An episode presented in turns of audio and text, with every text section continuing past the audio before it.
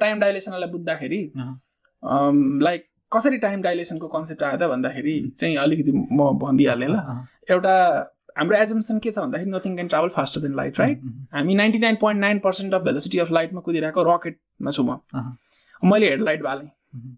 अब ग्राउन्डमा भएको मान्छेको रेस्पेक्टमा त्यो जुन लाइट मैले हेडलाइट बालेर लाइट गयो अगाडि त्यो लाइटको कति भयो त झन्डै डल डबल द भेलोसिटी अब हुनुपर्ने हो नि त तर हुँदैन क्या। त्यो हुन नदिनको लागि चाहिँ टाइम स्लो भइदिन्छ मेरो लागि। हो टाइम स्लो भएपछि के भयो? भेलोसिटी भनेको के distance cover by time taken हो टाइमै बढी लाग्दियो नि त। स्लो हुनु भनेको त बढी टाइम लाग्यो त्यति नै हुनलाई धेरै टाइम लाग्यो अनि धेरै ठुलो क्वान्टिटीले डिभाइड गरेपछि त भेलोसिटी कम हुन्छ। यस्तो तरिकाले कम हुन्छ कि त्यो त्यो प्लेनको velocity ninety nine point nine plus त्यो जोड्दाखेरि कहिले पनि सी नाग्दैन अनि त्यो भएर चाहिँ टाइम डाइलेसन भएको नि त। सो या टाइम डाइलेसन चाहिँ यसरी आएको हो यसको कन्सेप्ट चाहिँ। इन्टरभ्यूको बारेमा पनि हामीले कुरा गऱ्यौँ होइन। अब रिलेटिभिटीको बारेमा अलिकति कुरा गर्नु पर्दाखेरि स्पेसल थ्योरी अफ रिलेटिभिटीले चाहिँ यो रिलेटिभिस्टिक फर्मुलेसन कुनै पनि कुरा हायर भेलोसिटीले कुदिरहेको छ होइन। Almost tends to the velocity of लाइटले कुदिरहेको छ भने त्यसमा एउटा रिलेटिभिस्टिक इफेक्ट भन्ने नयाँ कुरा नयाँ इफेक्ट देखिन्छ जुन चाहिँ नर्मल भेलोसिटीले कुद्दाखेरि देखिँदैन। होइन त्यो फर्मुलेसन दिए आइन्स्टाइनले नाइन्टिन हन्ड्रेड फाइभमा जसलाई स्पेसल रिलेटिभिटी भन्यो। र त्यसमै ग्राभिटीलाई पनि इन्कर्पोरेट गर्नको लागि नाइन्टिन हन्ड्रेड सेभेन्टिनमा होइन त? सेभेन्टिनमा फिफ्टिनमा कि सेभेन्टिन फिफ्टिनमा जेनरल थ्योरी अफ रिलेटिभिटी दिए जसले चाहिँ त्यही एउटै फ्रेमवर्कमा ग्राभिटीलाई पनि ल्याइदियो। र अब जेनरल थ्योरी अफ रिलेटिभिटीको एजम्सनमा बसेर चाहिँ अब अहिलेको हाम्रो कस्मोलोजीले काम गरिरहेको छ। र हाम्रो कस्मोलोजिकल प्रेडिक्सन्सलाई चाहिँ एस्ट्रोनोमी अथवा एस्ट्रोफिजिक्सले चाहिँ अब्जर्भेसनको द्वारा त्यसलाई भेरिफाई गरिरहेको छ र त्यसरी अगाडि बढिरहेको छ। यसमा यसमा चाहिँ अर्को कुरा थप्नुपर्ने कुरा चाहिँ यसमा चाहिँ ठुलो काइन्ड अफ के भन्नु? अहिलेसम्म लाइक हुन्छ नि कन्फ्लिक्टको विषय भनौँ अथवा अलिकति भनेको चाहिँ ग्राभिटीको फिल्डलाई चाहिँ जुन स्ट्यान्डर्ड मोडल छ।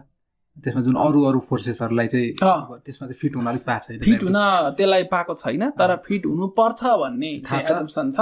अनि फिट हुँदाखेरि यस्तो यस्तो पार्टिकलहरू हुनुपर्ने हो र यही पार्टिकलहरू पत्ता लाग्यो भने भनेर प्रेडिक्सन पनि गरेको छ तर we do not know that yet तर जहिले पनि theoretical physics is always ahead उसले प्रेडिक्सन गरेको पुरा एक्सपेरिमेन्टल फिजिक्सले भेरिफाई गरेपछि मात्रै थ्योरिटिकल फिजिक्सको फाइन्डिङ्स पनि कम्प्लिट हुन्छ।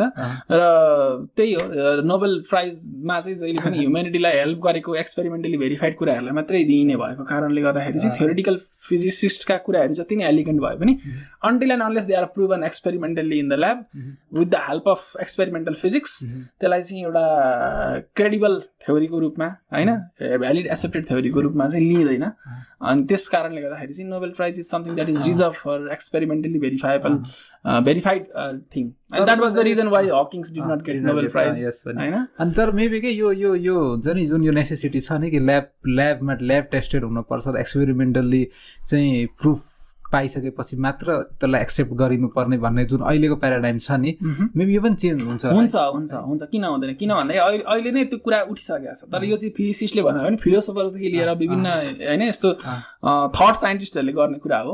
किन भन्दाखेरि अहिले अब स्ट्रिङ थ्योरीदेखि लिएर विभिन्न थ्योरीहरूको यिनीहरूको चाहिँ त्यो अपरेसन एकदम हायर एनर्जी रेन्जमा हुने र ह्युमेनिटीले त्यो त्यो त्यसलाई गर्ने हामीसँग एनर्जी रिसोर्सेसै छैन क्या।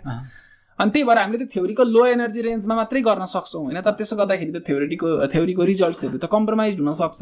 सो त्यस कारणले गर्दाखेरि if some theory is elegant enough maybe we should consider it as a scientific theory त्यसलाई सिमुलेसनको द्वारा कम्पिटिसनलबाट पनि त्यसलाई कम्प्लिटली भेरिफाईको स्टाटस दिन सकिन्छ भन्ने कुराहरू डायलगहरू डिबेटहरू चाहिँ फिलोसोफर्सहरूले चाहिँ उठाइरहेछन्। अब maybe we never know but as of now it is the best we have got okay